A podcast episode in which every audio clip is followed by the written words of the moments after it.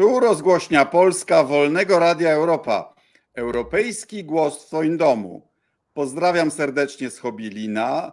Lato zmierza ku końcowi, ale jeszcze mamy parę dni dla siebie, trochę więcej czasu, może leżakowanie, a więc możliwość doładowania baterii intelektualnych. I chciałbym Państwu serdecznie polecić y, właśnie opublikowaną książkę pod tytułem Obrońcy Pańszczyzny, której autorem jest profesor Adam Janusz Leszczyński, nasz specjalny gość dzisiaj. Witam panie profesorze.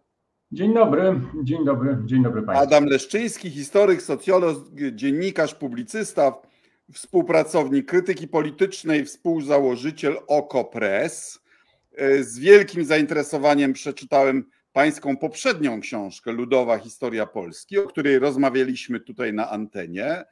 Ta jest krótsza e, i bardzo ciekawa. W poprzedniej e, pan mówił, że e, zaborcy grali z polskimi niepodległościowcami o poparcie polskiego ludu. Dzisiaj pan przygląda się polskiej szlachcie, jak nie zniosła pańszczyzny za pierwszej Rzeczpospolitej i doprowadziła do tego, że to dopiero zaborcy ją znieśli, prawda?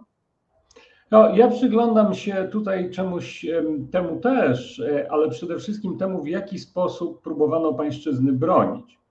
To znaczy, w jaki sposób w debacie, która się toczyła w sposób mniej lub bardziej skrępowany przez lat 100, mniej więcej, na ziemiach polskich, czy to w Rzeczpospolitej, jeszcze kiedy ona istniała, czy to pod zaborami w różnych kontekstach, ale generalnie ona się jakoś tam toczyła, prawda, przez ten cały czas. No, e, e, bardzo często w podręcznikach szkolnych, czy w jakichś takich publikacjach historycznych mówi się o tym, że o ludziach, którzy chcieli ograniczenia pańszczyzny albo chcieli jej zniesienia i tak dalej, to są szlachetne jednostki, o których lubimy mówić. Natomiast rzadko się mówi o tej stronie, to była debata, prawda? I w tej debacie byli także ludzie, którzy chcieli utrzymania pańszczyzny albo jakiejś zmiany, ale takiej, żeby jednak zachować większość swojej władzy.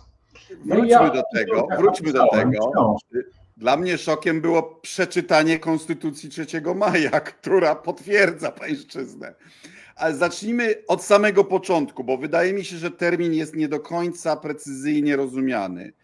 Co to była pańszczyzna i skąd się wzięła?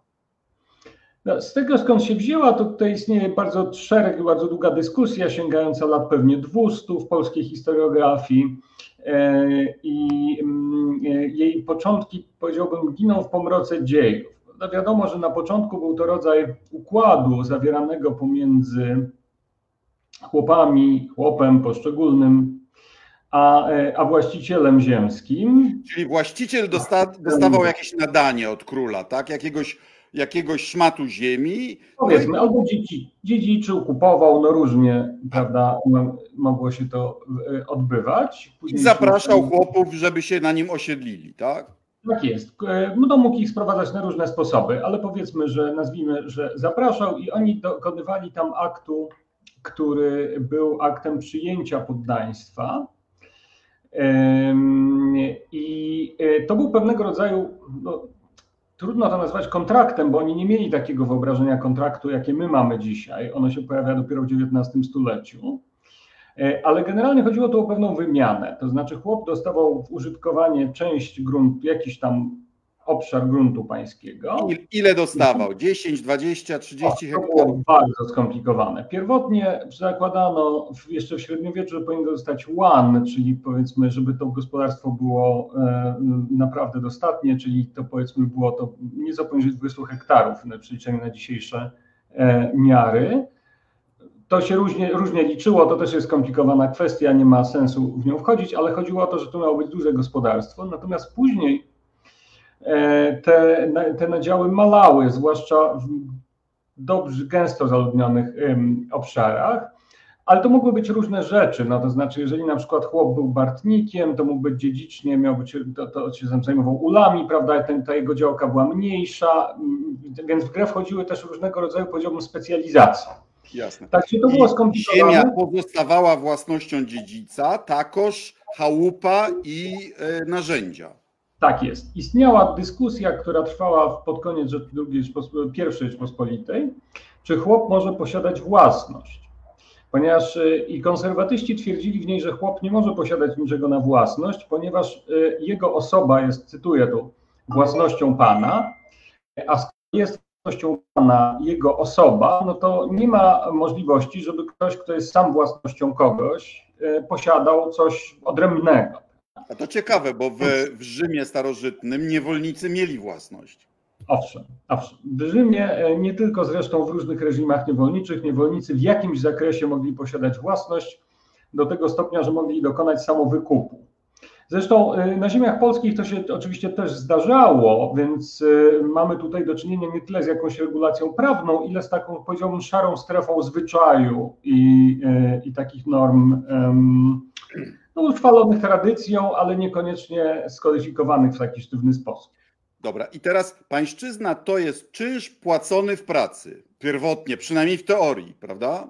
To jest coś, to jest zależność, która idzie dwustronnie, to znaczy ona miała w założeniu e, e, z jednej strony pan miał się opiekować chłopem, a więc wspomagać go, dawać mu nie Przy wiem, nieurodzaju, prawda? Dawać ziarno siewne, chałupę, jak się spaliła, to, to pan musiał odbudować, tak? Przynajmniej w teorii. W praktyce bywało z tym bardzo różnie, no ale zostawmy, taka była przynajmniej oficjalna wersja, którą panowie chętnie powtarzali, no bo oni oczywiście lubili opowiadać i pisać, że, że bardzo od tych chłopów prawda, Tak, tak, ojcowsku, prawda? E, Ojcowski, tak, że są w ojcowskiej relacji z tym poddanym. Natomiast e, w, zamian za to chłop poddanym był zobowiązany do, wykorzysty- do wykonywania poleceń w pewnym określonym zakresie. No i to jest znowu skomplikowana sprawa, ponieważ chłopi byli często, e, e, mieli wykonać określoną ilość pracy, zawartą, zapisaną w inwentarzu albo m, zwyczajowo utrwaloną, ale też często wymagano od nich ekstra posług. I to, e, które Tak nazwano zwana darmo- darmocha. tak jest, darmo, da, gwałtami, czasami daremszczyznami, bardzo różnie. E, I e, w praktyce można ich było wykorzystywać wykorzystywano do bardzo wielu różnych rzeczy, ale e, mówiąc najogólniej, pańszczyzna to była wymiana pracy za użytkowanie ziemi, mówiąc naj, najbardziej ogólnie. Na pracy Tej ziemi, którą mieli chłopi, bo, bo pan miał jeszcze swój własny folwark, Tak. prawda? I to na tym folwarku oni pracowali, a pan na koniec miał czysty zysk w postaci zboża, które spławiał do Gdańska, tak? Tak jest. No na przykład jedną z y, najczęściej wykonywanych posług były tak zwane posługi transportowe. To znaczy y, y, mm, oczekiwano, chłopi byli zobowiązani transportować te płody rolne, które wyprodukowano na gospodarstwie pańskim nawet na, na sprzedaż i to nawet często w dość odległe, y, w dość odległe miejsca. I, i to jest ta, ten aspekt ekonomiczny. A skąd się wzięła władza sądownicza pana nad chłopem? Bo jak się czyta relacje z XIV wieku jeszcze, za Kazimierza Wielkiego, chłopi mieli prawa i, i byli, e, występowali w sądach, nie byli zupełnie ubezwłasnowolnieni przez, przez szlachtę. Ona była ograniczana stopniowo bardzo różnymi e, aktami prawnymi i też taka utrwalana w zwyczaju. No, e, takim punktem, który się często uważa za przełomowy, był taki moment, w którym Zygmunt, bodajże Zygmunt Stary, czyli to jest pierwsza połowa XVI wieku, stwierdził, że nie będzie interweniował w spory pomiędzy chłopami a, e, a właścicielami i to zostało potraktowane jako przyzwolenie na to, żeby wziąć wreszcie z rezygnację monarchii z, z prawa do bycia ostatecznym arbitrem w tych sporach. Natomiast Europa Zachodnia po zarazie, po dżumie poszła w innym kierunku. Brak było rąk do pracy, były tam wielkie powstania chłopskie, Łota Taylora w Anglii i gdzie indziej i Europa Zachodnia przeszła na czynsze już wtedy, prawda? To jest y, ten proces, wiemy, że on nastąpił. Jest to jeden z najlepiej opisanych procesów w historii gospodarczej. Wiadomo, że on, y, ta zachodnia część Europy zaczyna się mniej więcej na linii rzeki Łaby, a więc a wschodnia, w której utrwaliła się pańszczyzna albo powróciła pańszczyzna, e, w, często w gorszej formie, w sensie ostrzejszej niż była, niż występowała wcześniej. Mm, e, no, nie, nie, wiadomo do końca, co, co, do co do tego doprowadziło. Teorie są różne, zwłaszcza, że na przykład na wschodzie rąk do pracy też brakowało. To we wschodniej Europie było tak, że mieliśmy, były bardzo duże obszary, często żyznej ziemi, której nie miał kto uprawiać. Ona była, wschodnia Europa była znacznie e, mniej zaludniona, znacznie rzadziej niż zachodnia. E, a więc e, jedna na przykład z teorii, których, którymi się posługiwano w XVIII i XIX wieku u nas, na naszych ziemiach, mówiła, że właśnie dlatego, iż u nas jest bardzo dużo ziemi, Rzeczpospolitej czy na dawnych ziemiach polskich. To trzeba przymuszać. To trzeba przymuszać, trzeba przywiązywać, żeby oni sobie nie poszli, prawda? Uciekali na kozaczyznę, na kozaczyznę. Gdziekolwiek, gdziekolwiek. Nie mogli pójść gdziekolwiek ale generalnie chodziło o to, że, żeby ich przywiązać, żeby, ponieważ y, no inaczej e, ludzi jest tak mało, że oni by sobie, że nie miałby kto uprawiać ziemi, no i oczywiście wówczas cała gospodarka by się zawaliła, gdyby nie miało kto uprawiać. Więc żeby oni byli ci pracownicy dostępni, no to trzeba ich było zainstalować na ziemi, na ziemi tak trwale, żeby oni sobie nie mogli pójść. W praktyce. Ja rozumiem, że książka Książka analizuje proces, w którym już w zasadzie w XVIII wieku są opinie, że pańszczyzna jest nieefektywna, że coś trzeba z tym zrobić, a mimo to polska szlachta y, nigdy na prawdziwą reformę się nie zdobywa. Kwestia efektywności tutaj jest, y, ona była używana jako argument, ona była używana jako argument przez na początku, od właściwie czasów oświeceniowych, mm, wychodziła z takiego założenia, ludzie, którzy go używali, wychodzili z założenia, że człowiek efektywnie pracuje jedynie na swoim. A więc, że człowiek takiego bardzo współczesnego, powiedziałbym liberalnego założenia, prawda, że człowiek efektywnie pracuje tylko na swoją własność prywatną. No, historia socjalizmu realnego jakby to potwierdza, prawda? No, to mo, mo, można o tym dyskutować, co potwierdza historię realnego socjalizmu, poza tym, że wiadomo, że on nie działał, prawda? E, ale albo działał źle, przynajmniej od pewnego momentu. Natomiast e, tutaj e, to jest sprawa otwarta. Chciałem od razu powiedzieć, na ile efektywna była gospodarka pańszczyźniana, oprócz tego, że w ogóle uprawy rolne na wschodzie Europy były mniej efektywne niż na zachodzie, Natomiast pytanie, jaką rolę w tej niższej efektywności odgrywała pańszczyzna? Współcześni często byli przekonani, że tak jest, natomiast empiryczne, do, empiryczne dowody jest trudniej. Mówię o tym tak ostrożnie, dlatego że mamy przynajmniej um, kilka prac ostatnio napisanych na Zachodzie, w Stanach Zjednoczonych głównie, dotyczących efektywności produkcji plantacyjnej, niewolniczej, z których wynika, że ta efektywność po pierwsze nie była wcale, nie było wcale z nią źle, a po drugie, że ona systematycznie rosła właściwie do wojny secesyjnej. No i wiemy, że gdy, gdy zmu, przymus zniesiono tak na południu Stanów Zjednoczonych, jak i w Polsce, e, gospodarki folwarczne czy, czy, e, czy te e, latyfundia się załamały. Znaczy, latyfundia przeżywały kryzys, E, kryzys wynikał w dużym stopniu z tego, że, mm, e, że chłopom trzeba było zacząć po zniesieniu pańszczyzny płacić za pracę. Żeby, trzeba, trzeba, żeby im płacić za pracę, trzeba oczywiście mieć z czego, czyli trzeba mieć kapitał obrotowy. Należało także kupić, wybudować trochę inne zabudowania, kupić inne narzędzia i tak dalej. To wszystko wymagało inwestycji. Majątki były zadłużone. Majątki były zadłużone, ale nawet jeżeli nie były zadłużone, no to jakby pozyskanie tak dużego kapitału w krótkim czasie było trudne.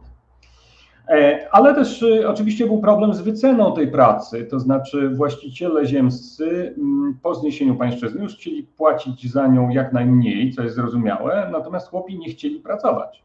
Jest masa narzekań po zniesieniu pańszczyzny, właśnie, że chłopi nie chcą pracować, że w ogóle, że wolą umierać z głodu niż pracować, piszą ci nasi nasi ziemianie e, i że e, właściwie kraj czeka katastrofa. A więc bezpośrednio, i myślę, że e, to można, mm, o tym pisano i na przykładzie Galicji po 1848 roku, po zniesieniu pańszczyzny, i na przykładzie Królestwa, no, że bezpośrednio po zniesieniu pańszczyzny to, to, był, to był taki wstrząs gospodarczy, prawda, który przynosił przynajmniej kilkuletni okres spadku produkcji rolnej. W przypadku królestwa trzeba było oddać większą część wartości dodanej, prawda? No to ktoś musiał się posunąć, jeśli produkcja y, y, spektakularnie nie wzrosła, prawda? Ktoś musiał się posunąć. No i oczywiście dyskusja wokół zniesienia pańszczyzny, która trwała 100 lat, najpierw ograniczenia pańszczyzny, a potem zniesienia na temat różnych reform, a potem wreszcie likwidacji, no ona się sprowadzała w dużym stopniu do dyskusji, kto powinien się posunąć i o ile. Gdyż I, e, wchodziły fascynujący eksperyment socjologiczny, bo, bo na ziemiach polskich e, e, pańszczyznę zniesiono na kilka różnych sposobów. Ja nie doczytałem szczegółów, ale generalnie w zaborze pruskim sprawnie, tylko nie wiem jak dokładnie jak, inaczej w Galicji, inaczej w Królestwie i jeszcze inaczej na ziemiach zabranych na Kresach, prawda? W, w Prusach przeprowadzono to w taki sposób, że chłopi musieli oddać część swoich gospodarstw, albo jedną trzecią, albo nawet połowę tych, których użytkowali, ale za to reszta pozostawała ich własnością. Okay. No i tą, którą otrzymali, jeszcze spłacali w taki dość skomplikowany sposób, często przez, y, ale to było mm, zrobione na tyle sprawnie, że na to mało kto narzekał. To znaczy narzekali oczywiście właściciele, ale generalnie rozwiązanie pruskie uważano za E, no, relatywnie najlepsze. Natomiast w zaborze austriackim, czyli w Galicji e, i oczywiście w zaborze rosyjskim e, znoszono pańszczyznę w sposób no, mm, chaotyczny, nieprzygotowany, pod presją polityczną w obu wypadkach. I wbrew, i wbrew dzikiemu oporowi właścicieli. Oczywiście, oczywiście. No, ale też ja chcę powiedzieć, że to nie jest zaskakujące, że oni się opierali. No, proszę sobie wyobrazić. Co dla mnie jest zaskakujące, jak ja czytam, jak się opierali. Ja, e, dla mnie zaskakujące po przeczytaniu pana książki jest, że jacyś chłopi w ogóle kiedykolwiek za Polskę chcieli walczyć. E, to jest, to jest zaskakujące także dla mnie. Ja bym powiedział, że to, e, że to wystawia, ponieważ panowie często, argumentacja pańszczyźniana opierała się na pewnym wyobrażeniu chłopa, natury chłopskiej. No i elementem tej natury chłopskiej było przekonanie, że chłopi są zawsze interesowni, no, Polsce, którzy nawet dzisiaj takie rzeczy mówią. No oczywiście, oczywiście, bo te wyobrażenia mają długą trwałość. I teraz fakt, że chłopi, przynajmniej niektórzy, chcieli walczyć za Polskę, ja bym powiedział, zadaje kłam temu poglądowi. Znaczy, oni to robili, chociaż ich interes materialny nie był największy w tej sprawie. I obietnice władz powstańczych, umówmy się, nie były nadmiernie wiarygodne, bo, bo były warunkowane zwycięstwem, które nie było bardzo prawdopodobne. Aż do powstania styczniowego, który dekretem starało się chłopów uwłaszczyć bez odszkodowania. No tak, w którym 6 tysięcy ludzi uzbrojonych w dubeltówki rzuciło się na 100 tysięczną armię, prawda? Tak jest, a więc no efekt, oczywiście efekt, to miało efekt propagandowy, to znaczy te, tego bym, ja bym tego aktu absolutnie nie lekceważył, ale też jeżeli e, mówimy o tym, że e, powstanie styczniowe uwłaszczyło chłopów, no to to nie jest prawda, no, powstańcy realnie nie kontrolowali większej części terytorium, więc e, to zresztą był ostatni akt, to uwłaszczenie w czasie powstania styczniowego w Królestwie Polskim w roku 1864, ostatecznie przeprowadzone przez, przez władze carskie. No to był ostatni akt procesu, który trwał już wtedy 4 lata i on był pełen demonstracji, buntów, yy, takich różnych prób jakby modyfikowania tego systemu przez władze carskie. Ludzie masowo odmawiali wykonywania pańszczyzny już od wiosny 1861 roku, a więc jeszcze na długi czas przed powstaniem. W związku z tym w związku z tym było jakby wiadomo, że ten system się kończy. To było wiadomo od kilku lat. Ale gra polityczna, bardzo ciekawa zresztą i toczona w kilku miejscach, bo ona się toczyła w Towarzystwie Rolniczym w Warszawie, które wbrew nazwie było takim, taką namiastką parlamentu szlacheckiego. To się nazywało niepozornie, ale było super ważną instytucją. A więc, e, mm, a więc tam się toczyła ta rozgrywka. Ona się toczyła w Petersburgu i ona się toczyła także no, na ziemi, że tak powiem, tak? to znaczy wśród tych agitatorów demokratycznych i, i chłopów. Więc, yy, więc yy, to, to, oczywiście finalnie Los mężczyzn, powiedział, był przesądzony już wtedy oczywiście, ale nie było przesądzone to, na jakich warunkach właściciele będą się musieli rozstać ze swoją własnością, no bo oni musieli się rozstać ze swoją własnością. Mówimy o części własności, bo większość y, majątków pozostała w rękach, pan, w rękach panów, no tak, tak, tak, tak, ale zwróćmy uwagę, że często praca chłopska, większość ziemi została, ale czy to była większość majątku?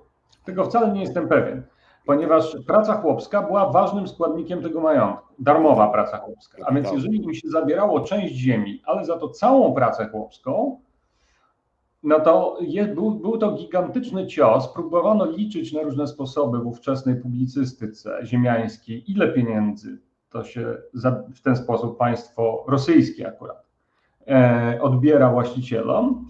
E, no i e, to wychodziły z tego astronomiczne kwoty. Astronomiczne kwoty to samo w zaborze austriackich. Fa fascynujące jest porównanie argumentacji w obronie pańszczyzny z argumentacją w obronie południowego niewolnictwa w Stanach Zjednoczonych, uderzająco podobne, prawda? No tak. Więc... No, zastanówmy się, jak wyobraźmy sobie, że bronimy systemu pracy niewolnej. E, I teraz jakimi argumentami możemy go bronić? No, liczba potencjalnych argumentów jest. Mogę przerwać na moment. Zdefiniujmy niewolną. Jakie były różnice między chłopem pańszczyźnianym a niewolnikiem w Stanach? Niewolnik, e, e, e, chłop mógł, wy, mógł się ożenić z kim chciał, prawda? Niewolnik nie bardzo. Jakie były podobieństwa, jakie różnice? Zależy od momentu. Zależy od momentu. W momentów do, do zniesienia poddaństwa chłop był własnością. Ten status się nie różnił aż tak bardzo do zniesienia poddaństwa. Natomiast w momencie poddaństwa, czyli osobistej zależności od właściciela i oczywiście trzeba było mm, mm, Ożenek też nie był prosty, jeżeli w grę wchodziła osoba spoza majątku.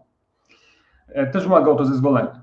No więc, y, y, natomiast jeżeli chodzi o moment poprzedzający samo zniesienie pańszczyzny, kiedy poddaństwa już nie było, bo to są rozłączne sprawy, poddaństwo i pańszczyzna w dużym stopniu rozłączne, no to oczywiście położenie polskich chłopów było znacznie lepsze. Oni nomina formalnie byli, nawet jeśli nie realnie, mm, e, byli formalnie e, mm, osobami wolnymi, z wyjątkiem terenów Rosji, gdzie poddaństwo istniało, znaczy zaborów Kresów, prawda, gdzie poddaństwo jeszcze istniało do końca właściwie. Tam zniesiono za jednym zamachem poddaństwo i pańszczyznę. Natomiast tutaj na ziemiach centralnej Polski byli, czy w Galicji byli osobami formalnie wolnymi, Aczkolwiek oczywiście realnie ich status prawny był gorszy niż, y, niż mieszczan, czy nie mówiąc już o szlachcie. Więc, y, obowiązek pańszczyźniany musiał spłacić w jakiś sposób, tak? Jeśli by chciał. Czyli musiał o. jakieś nadwyżki wyprodukować, których nie było skąd wziąć, tak? Obowiązek pańszczyźniany to zależy, czy, czy, znaczy jeżeli mówimy o wolności w ogóle, o wolnym wykupieniu się, no to to oczywiście było bardzo drogie. To ludzie czasami robili, jeżeli odnieśli sukces, i wydaje mi się, że te przypadki powinny być lepiej opisywane. Ja kilka takich znalazłem, w których chłopi potrafili się wykupić sami. E, no i to wymagało gigantycznych kosztów. Jeden z moich, e, jeden z tych autorów, których cytuję, e, opowiada w swoim tekście, że uwolnił rodzinę chłopską. To się, rzecz się dzieje na Ukrainie, w guberni kijowskiej, uważanej za część polskich wtedy, prawda? przez, przez, tą, przez tych ziemian. No więc yy, ów ziemianin opowiada, że uwolnił rodzinę chłopską i ta rodzina zapłaciła tysiąc rubli. W roku 1860 mniej więcej to jest, to jest yy, rzecz się dzieje. Więc tysiąc rubli to było bardzo dużo, to były bardzo duże pieniądze. Yy, jak Przepłacili, bo jakby poczekali 4 lata. No, ale to nie wiadomo, no, w każdym razie nikt tego nie mógł wiedzieć. W każdym razie ów przedsiębiorczy chłop zapłacił właścicielowi tysiąc rubli za swoją własną wolność e, i, i swoje rodziny, tak kilkuosobowe, nie pamiętam dokładnie jak licznej, ale generalnie mm, wykupił siebie i rodzinę. E, I te e, tysiąc, natomiast ten właściciel w tym samym momencie z ogromnego majątku, liczącego ponad tysiąc poddanych, zarabiał brutto 11 tysięcy rubli rocznie a więc 1000 rubli za jedną rodzinę i 11 tysięcy rubli dochodu z całego ogromnego Jedna dziesiąta całego dochodu, tak. No to, tak. A więc y, y, to było bardzo drogo. Zresztą, y, nawiasem mówiąc, niewolnicy w Stanach Zjednoczonych też byli bardzo drodzy. tym sensie niewolnik był bardzo drogą, no można powiedzieć, przepraszam, to powiem, ale własnością. Prawda? To kosztowało bardzo dużo, zwłaszcza od momentu, w którym zakazano handlu niewolnikami. No i trzeba było mieć tylko podaż lokalną, no to te ceny bardzo, e, bardzo wzrosły. Gdy mieszkałem w Waszyngtonie 20 lat temu, e, sprzedano taki stary bank, Riggs Bank. I w procesie sprzedaży trzeba było zrobić due diligence, czyli dokopać się do archiwów, do wszystkiego, co może wpłynąć na cenę. I co znaleziono? E, pożyczki zaciągane pod zastaw niewolników z Oczywiście. połowy XIX wieku. Oczywiście zaciągano także, zaciągano także pożyczki pod zastaw własnych e, poddanych w Pol na, na ziemiach polskich. To nie jest nic, nic nadzwyczajnego. Można ich było zastawić, kupić i sprzedać.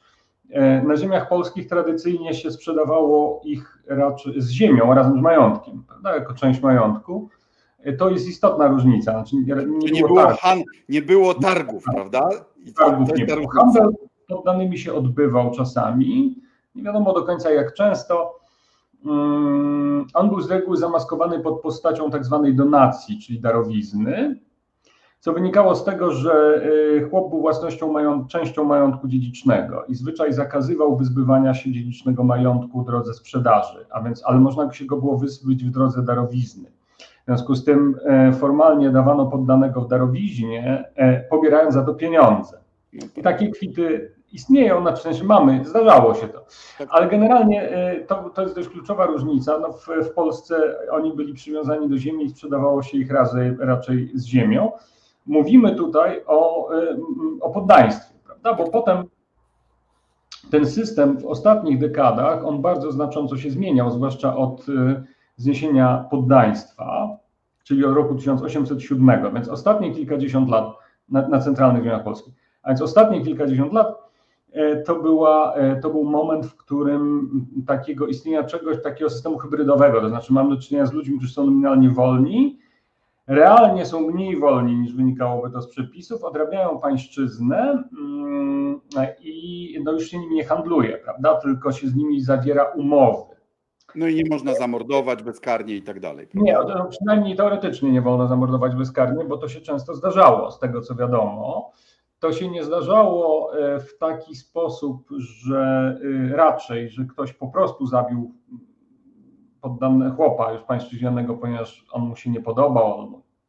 Najczęściej były z, z, z tych przypadki, które ja znam, no to są przypadki czy opisywane w prasie, często ówczesnej, no to są przypadki, w których wykonano karę fizyczną, e, chłosty i po prostu poddany, nie, ktoś bił za mocno i i, i, i ten, ten, ten no, ukarany tego nie przeżywał. Prawda? Teraz Czyli mamy system, który jest ewidentnie nieludzki, e, ewidentnie eksploatatywny, a mimo to i w Stanach, i w Polsce są tysiące publikacji w jego obronie. Tak jest. W Polsce nie są to tysiące, w Polsce nie są to tysiące, to są bardziej setki, ale w Stanach rzeczywiście są to tysiące. E, I mm, co jest ciekawe, e, no, broni się tego na różne sposoby. To znaczy, Amerykanie są bardziej zdeterminowani, to trzeba od razu powiedzieć, i amerykańscy e, publicyści na południu Stanów Zjednoczonych na przykład potrafią uważać, że niewolnictwo jest czymś dobrym dla niewolnika. U nas raczej, raczej się tego nie pisało. Nasi, e, nasi obrońcy pańszczyzny, używając podobnych argumentów, byli jednak mniej radykalni. To trzeba powiedzieć. Ale argumenty religijne na przykład były używane i tu, i tu, prawda? Były używane i tu, i tu, chociaż w Polsce rzadko, na ziemiach polskich rzadko, przynajmniej od XIX wieku już się argumenty religijne pojawiają rzadko w XVIII jeszcze się pojawiają, natomiast co jest pewnie interesujące, u anglosasów pojawiają się bardzo często do końca argumenty z Biblii. Um, oni jednak y, w ogóle w Polsce w tej dyskusji e, religijność odgrywa zaskakująco małą rolę. To była jedno z moich zaskoczeń, e, kiedy czytałem te wszystkie, te wszystkie teksty to jest to, że oni są super pragmatyczni jednak. To znaczy, że mówią o zysku, o, mm, o tym, że gospodarka krajowa się załamie, jak się zniesie pańszczyznę, albo o tym, że oni jako właściciele ziemscy są podporą tej gospodarki i od ich dobra to jest dobro narodu. Więc takie rzeczy, y, takich argumentów się używa mm, i one są podobne do argumentów plantatorów, ale argument religijny naprawdę pojawia się rzadko. E. W świecie anglosaskim ta hipokryzja chyba była większa. Ja byłem w tym, w tym największym forcie w Ganie, gdzie um, transportowano niewolników. To loch, w którym trzymano tysiąc niewolników, był dokładnie pod kaplicą. Mhm. I te tysiąc ludzi y, tam raz czy dwa razy w tygodniu na kolejny statek. I to trwało 300 lat ponad, czyli przez ten jeden zamek przeszło, szacuje się, grubo ponad milion ludzi. Ja mhm. wiedziałem, że to miało miejsce, oczywiście, ale ja nie, nie zdawałem, przyznam się, nie zdawałem sobie sprawy ze skali. Mhm. Tak, szacuje się, że wywieziono do Nowego Świata kilkanaście milionów, 11 chyba. Y, jest taki duży projekt międzynarodowy, który próbuje to dokładnie policzyć, łącznie ze wszystkimi rejsami, wszystkimi, to jest fascynujące, wszystkimi rejsami statków niewolniczych. Y, a więc jest taka gigantyczna baza danych, do której historycy i historyczni mają dostęp. To jest bardzo ciekawy i wartościowy projekt.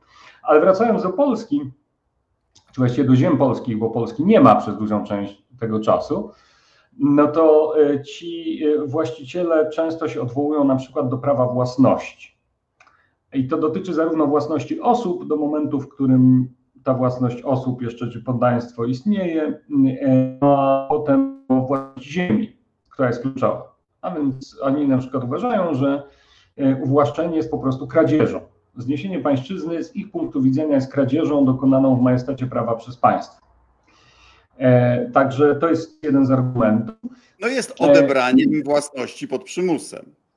Oczywiście, oczywiście. Ja bym powiedział, że to jest argument, który jest trafny, no, w tym sensie, że on jest, że on jest materialnie prawdziwy, wybiera się własność. No to jest oczywiście prawda.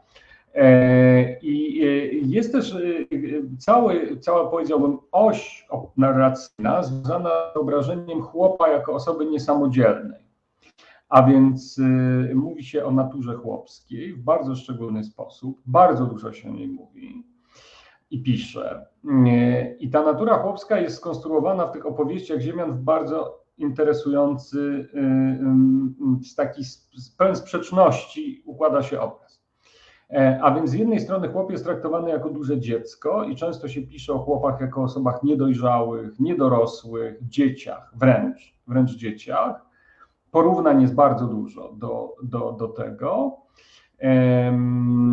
Potem, a więc no, kim jest dziecko? No, dziecko jest osobą, która potrzebuje rodzica, prawda? Dziecko jest osobą niezdolną do samodzielnego no, przetrwania. Jest analfabetą w prawie w 100% w tamtych czasach, prawda? Oczywiście, oczywiście. Na ziemiach polskich przynajmniej.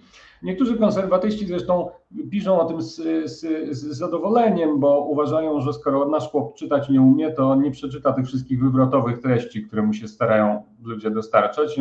Więc we Francji jest taki tekst, ze dwa chyba znalazłem, w których oni piszą, no we Francji to mają rewolucję, mieli rewolucję, ścinali tych, tych wszystkich swoich arystokratów, ponieważ francuski chłop dlatego że francuski chłop umiał pis, czytać, prawda? A nasz nie umie, w związku z tym wszystko jest, jest, jest, jest dobrze. Dla mnie fascynującym, fascynującą nową informacją, to chyba u Pana wyczytałem w, w Ludowej Historii Polski, dlaczego Pan wolał Żyda za karczmarza albo młynarza.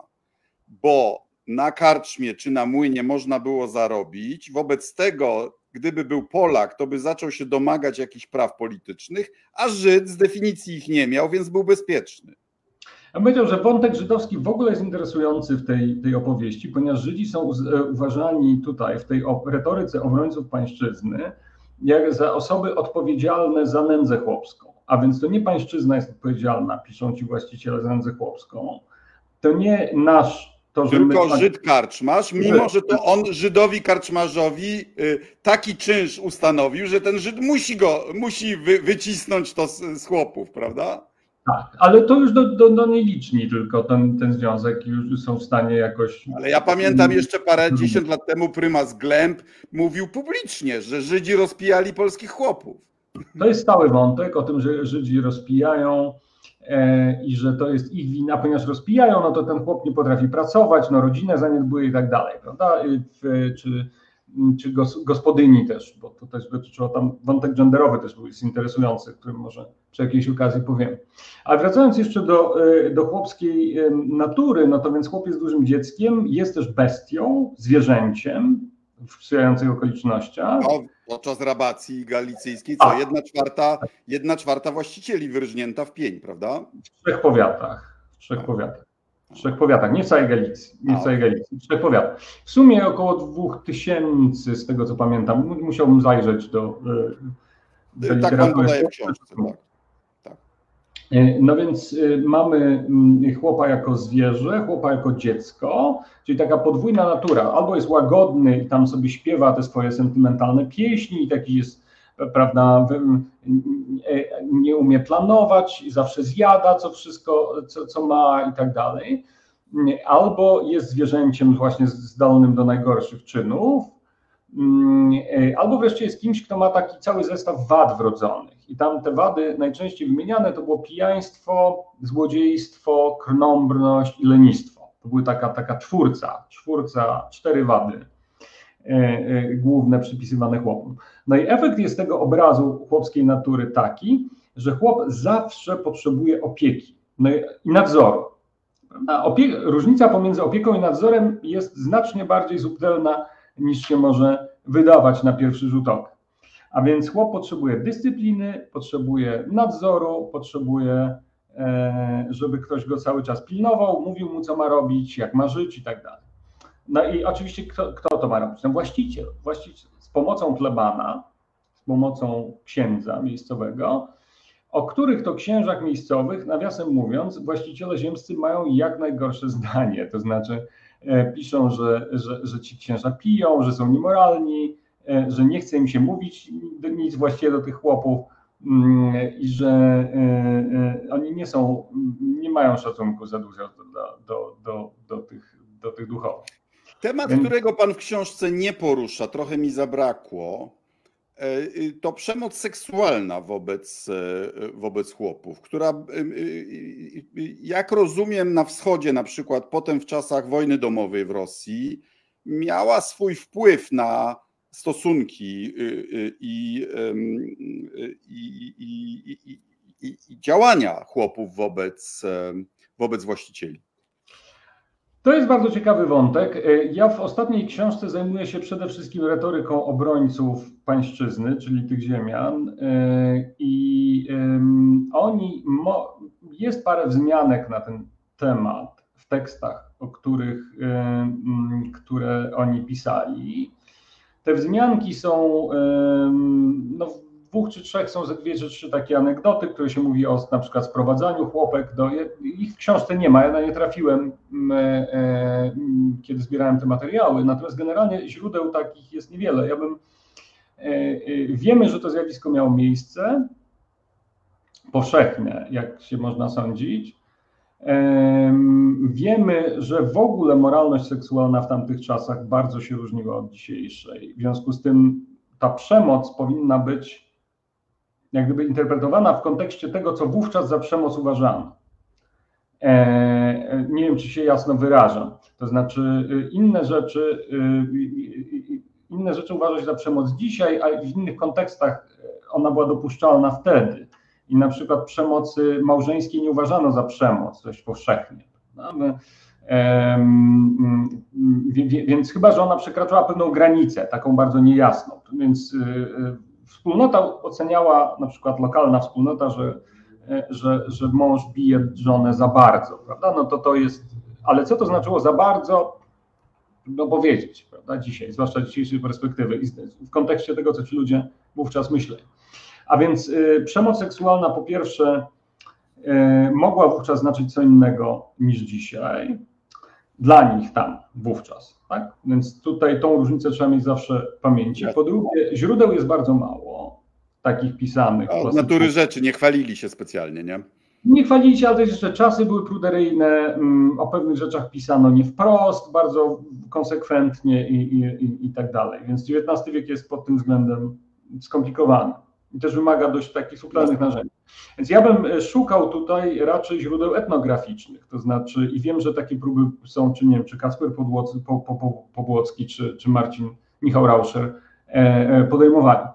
Mm, a więc to są, mm, ale też prawdziwej skali tej przemocy Jasne. że nie poznamy nigdy, to znaczy nawet ją no. trudno oszacować. Wiemy, że była powszechna, no ale Jasne. A kiedy pan zaczyna w chłopie widzieć Polaka? Kiedy mu jest, jest to dla niego wygodne, kiedy może na tym skorzystać. A więc pan zaczyna widzieć chłopie Polaka najczęściej wówczas, kiedy potrzebuje chłopa do pomocy z powodów politycznych. A więc kiedy potrzebuje na przykład, żeby chłop poszedł walczyć.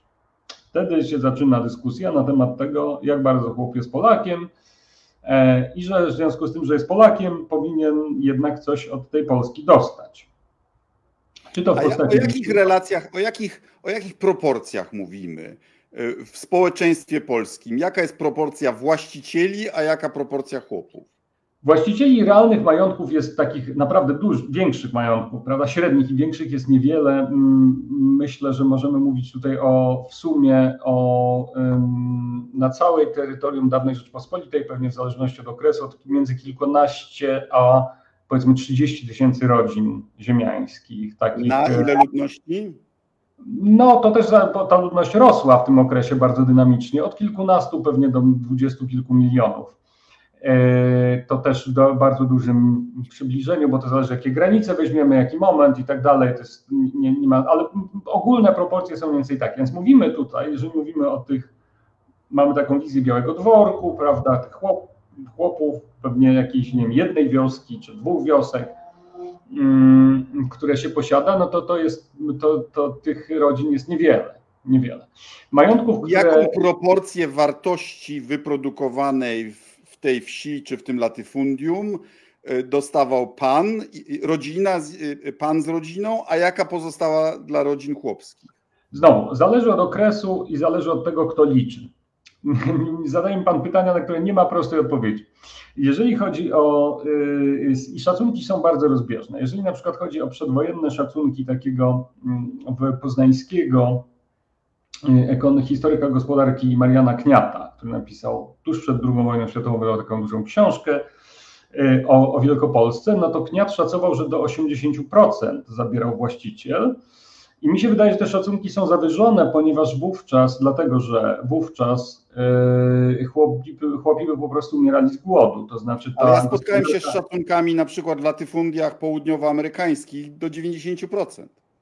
No tak, ale ci ludzie, encomiendo to się bodajże nazywało. Ale ci ludzie musieli mieć dość zasobów, żeby przeżyć biologicznie, E, żeby po prostu przetrwać. E, I e, w, w Rzeczpospolitej musieli mieć ich więcej, dlatego że nie, nie można było sprowadzać nowych, znaczy trudno było sprowadzać nowych. A więc wydaje mi się, że tutaj ta ekstrakcja była mniejsza niż na przykład na plantacjach, ponieważ na plantacji, kiedy ludzie umierali, można było sprowadzić nowych, kupić po prostu. Natomiast tutaj oczywiście nie, w związku z tym oni musieli się mieć dość zasobów, żeby przetrwać z rodzinami i żeby się rozmnażać, E, I, e, e, i, a ponieważ ogólnie mam do czynienia z bardzo biednym społeczeństwem, więc jeżeli bardzo biednym osobom zabierzemy 80% tego, co wyprodukują, no to one po prostu nie będą mieli co jeść, tak? W tym sensie oni po prostu umrą z głodu. A więc nie wydaje mi się, żeby to było 80%, ale myślę, że możemy spokojnie mówić o połowie, inne szacunki mówią 40-60% mm, tego, co wytworzył rolnik, ale tak jak mówię, to zależy bardzo od okresu, zależy od miejsca, e, zależy od tego, kto liczy, bo różni historycy otrzymują różne wyniki, jak widać mocno rozbieżne. Jasne.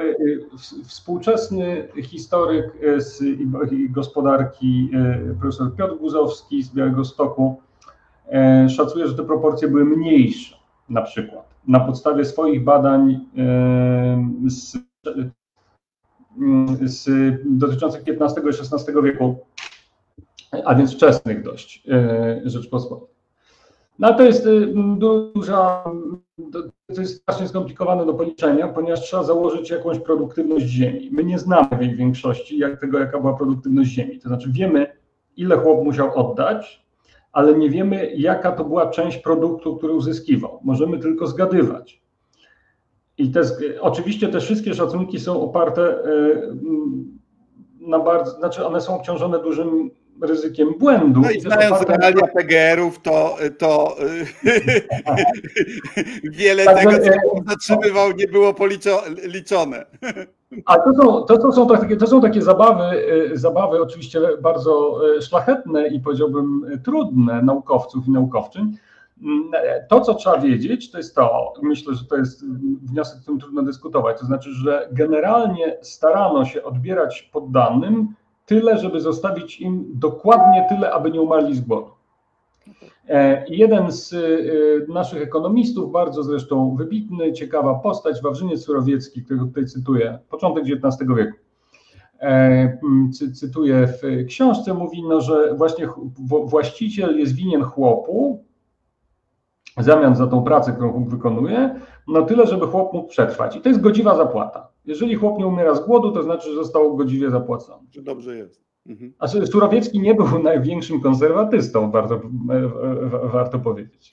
A właśnie, y, zmierzając powoli ku końcowi, chciałbym się nie zgodzić terminologicznie, bo dla mnie termin konserwatyzm nie oznacza bronienia tępego status quo, czy tym bardziej chęci powrotu do jakiegoś przeszłego status quo, wbrew doświadczeniu i wbrew ewolucji społeczeństwa. Dla mnie to jest albo taki rewolucyjny tradycjonalizm, albo zwykły reakcjonizm. Konserwatyzm, tak jak on jest rozumiany na przykład na, na Wyspach Brytyjskich, no to jest sceptycyzm wobec zmian, ale tylko do momentu, aż, aż nie stają się one nieuniknione i wtedy ustępowanie z gracją. Ja myślę, że, ja myślę, że tej postawy ustępowania, y, kiedy już nie było wyjścia, to mamy, ja zebrałem w książce sporo przykładów. Y, dobrym przykładem jest poddaństwo, to znaczy y, ci nasi konserwatyści bronią poddaństwa, ale kiedy ono zostanie zniesione, ale ono jest narzucone nam przez Francuzów de facto. Tak, to zniesienie jest narzucone przez Francuzów, nie poddaństwo. Zniesienie jest narzucone przez Czyli Francuzów. sami z siebie nie ustąpili. Nie, nie, ustąpili. nie sami z siebie nie. nie byli Natomiast konserwatystami, byli reakcjonistami. Okej, okay, okej. Okay. Ja nawiasem mówiąc, y, chciałem dać tej książce, um, chciałem dać tej książce pod tytuł Retoryka reakcji w Polsce. Aha. Chciałem użyć słowa reakcja w podtytule, ale jeden z moich y, y, przyjaciół historyków powiedział mi, że słowo reakcja w Polsce ze względu na komunizm się bardzo źle kojarzy. Y, I miał rację, myślę, miał rację, i że, mm, i że bezpieczniej jest z punktu widzenia autora dbającego o recepcję swojej książki słowa reakcja nie używać. Ja bym go chętnie użył. W tym sensie zgadzam się oczywiście z Panem, że oni że oni by, do nich to bardziej pasuje, prawda? Ale musi pan przyznać, że jednak używanie słowa reakcja w Polsce na zasadzie opisu, tak, tak, tak. No jest, y, ono, to słowo jest już tak skażone i tak zepsute przez tą propagandę, że się nie da, jest toksyczne, no nie da się go użyć normalnie, bez, bez tego całego bagażu znaczy, skojarzeń. I, i, I pana argument mnie przekonuje, że oni nie ustępując stracili więcej, ale oczywiście jest druga strona medalu że ta strona, która chciała y, uwłaszczenia, y, też chłopów okłamywała. No przecież jak Lenin doszedł do władzy? Y, pokój, prawda, czyli wyjście z I wojny światowej i ziemia. Po czym tej ziemi, po czym wiadomo, że, te, że, że tego nie dotrzymał, bo na koniec była kolektywizacja, prawda? No czyli... No tak, Owszem, owszem, tylko że my tu nie rozmawiamy o Leninie, bo co do Lenina pełna zgoda, prawda? Znaczy bolszewicy posunęli się do oszustwa. Obiecali chłopom ziemię, po czym im ją dali na kilka lat, a potem ją znowu zabrali w procesie kolektywizacji i to nie tylko to, co dali, ale wszystko. Ale w pańskim argumencie, tak jak u Marcina Piotrowskiego na szerszej trochę perspektywie, ja, proszę mnie skorygować, ale wyczuwam lekki... Lekką pobłażliwość, czy, czy, czy może inaczej, wrażliwość na argument, że przemoc y, jest funkcjonalna. To znaczy, że rabacja odniosła skutek. Tak jak Marcin Piątkowski uważa, że, że, wywłasz, że właściwie nie ma postępu i modernizacji bez wywłaszczenia klas posiadających tych z XIX wieku. Tak, ja, ja znam argument Marcina, e, oczywiście, Marcina Piątkowskiego. Mówię Marcina, ponieważ jesteśmy na ty, znamy się od, od wielu lat. Więc, ale tutaj mam, mogliśmy długo na temat rozmawiać, tylko wrócę do rabacji i przemocy. Ja bym bardzo chciał, ponieważ jestem osobą wrogą przemocy, ja bym bardzo chciał myśleć, że przemoc nie działa. To znaczy, przemoc nie daje efektów, że jest, żeby jest bez sensu. Jest się. Kartka wyborcza, a nie przemoc. Tak, tak, tak. No, ale oczywiście jest tak, jeżeli chodzi o. Ale akurat rabacja galicyjska jest przykładem czegoś wprost przeciwnego. To znaczy, przy czym to nie były zamierzone skutki tych działań tych chłopów, bo oni oczywiście nie wiedzieli, jakie to będzie. Na ile Austriacy ich podpuścili? To, to jest, trzeba zapytać ekspertów. No, ja znam tylko to z książek i innych specjalistów, a nie z, y, ze źródeł pierwotnych. Wygląda na to, że nie przesadnie. To znaczy, że Austriacy przyglądali się temu przez jakiś czas, ale na przykład nie ma dowodów z tego, co mi wiadomo, że Szela był agentem austriackim w taki prosty sposób. To znaczy, ale został doceniony na koniec. Został jakoś tam doceniony, ale był też uważany, był w areszcie przez pewien czas, był uważany za osobę niewygodną, przesielono go jednak na Bukowinę na koniec. Więc to, to nie jest... entuzjazmu okazał. Myślę, że za daleko się posunął, ale też e, jeżeli chodzi o skutki rabacji, no to ona oczywiście zadziałała tak, że e, od momentu rabacji galicyjskiej wszyscy w zasadzie wiedzą, właściciele, że pańszczyzna musi odejść w sensie to jest moment we wszystkich, w obu zaborach, w których ona jeszcze jest, czyli w rosyjskim i, i w tym, że oni, oni, oni oczywiście myślą, że to nastąpi za kilkadziesiąt lat, albo że, że coś tam, prawda, że nie teraz, i, ale wiedzą, że ten pociąg już odjechał. I to jest coś, co robi, co robi Rzesz Galicyjska. To znaczy przed 1846 rokiem e, e, jest powszechne przekonanie, że ten system może trwać, może nie w nieskończoność, ale bardzo długo że on pasuje do Polski, że możemy żyć z pańszczyzną, że on jest jedynym sposobem na uprawianie ziemi gospodarstwa rolnego w Polsce. Takie rzeczy to oni piszą, prawda? Natomiast potem to jest gigantyczny wstrząs we wszystkich zaborach, ta, ta rabacja, mimo że jej zakres terytorialny był niewielki przecież, nie? Zakres, zasięg. No i, i potem już nikt już w zasadzie, wszyscy wiedzą, że to już musi upaść. Znaczy, że, że, że koniec pańszczyzny jest przesądzony. E, I, w tym sensie mm, mm, przemoc działa, niestety, niestety, niestety.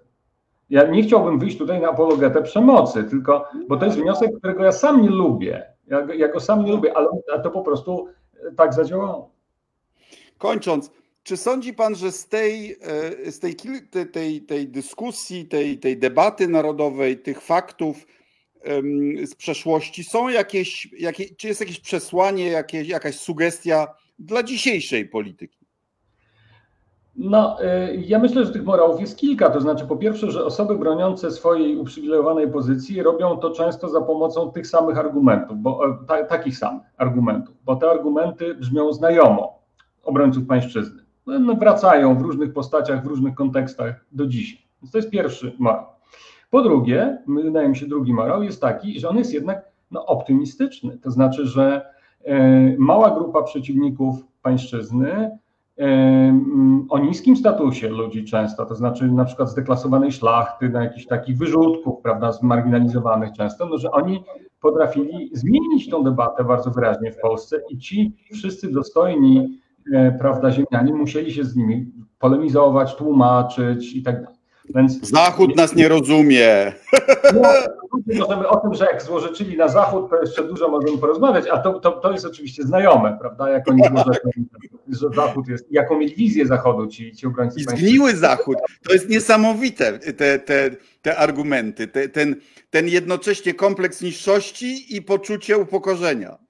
Tak, tak, tak. I poczucie moralnej wyższości też, bo to tak. się tak mieszało, prawda, że, że ten, to, to jest niebywałe i, te, i to jest aktualne do dzisiaj, prawda, no jak czytam wielu współczesnych, co będę wskazywał palcem, prawda, no wiemy o kogo chodzi, e, więc jak, jak ich czytam albo słucham, no to mam wrażenie, że to są często dokładnie te same, te, ta sama mieszanka tam jest, prawda, relacji z Zachodem. Także y, tutaj pewne rzeczy w polskiej, ja bym powiedział, że w polskiej debacie publicznej pewne idee, pewne rzeczy i pewne postawy mają bardzo długą historię e, i że one się mało zmieniają w sumie. To znaczy, że, że one są niesłychanie trwałe i w tym sensie polskie społeczeństwo jest takim no, przepraszam, że powiem banalną rzecz, no, ale Polska jest wielkim historycznym krajem i, e, i jak wszystkie inne wielkie historyczne kraje ma swoje zaszłości, prawda? No i to są nasze, to jest tradycja, no trzeba jakoś ją, po prostu ją e, umieć się z nią, nie mówię, że ją obalać, tylko po prostu trzeba się umieć z nią twórczo skonfrontować. Tak jest. Panie profesorze, serdecznie dziękuję. Naszym Dziękuję słuchaczom, widzom życzę, przede wszystkim rekomenduję przeczytanie tych książek. Ludowa historia Polski i Obrońcy Pańszczyzny. Możecie się Państwo zgodzić lub nie, ale na pewno zmuszą Państwa do myślenia. Serdecznie Dziękuję dziękuję. serdecznie za zaproszenie. Dziękuję. Do zobaczenia. Do widzenia.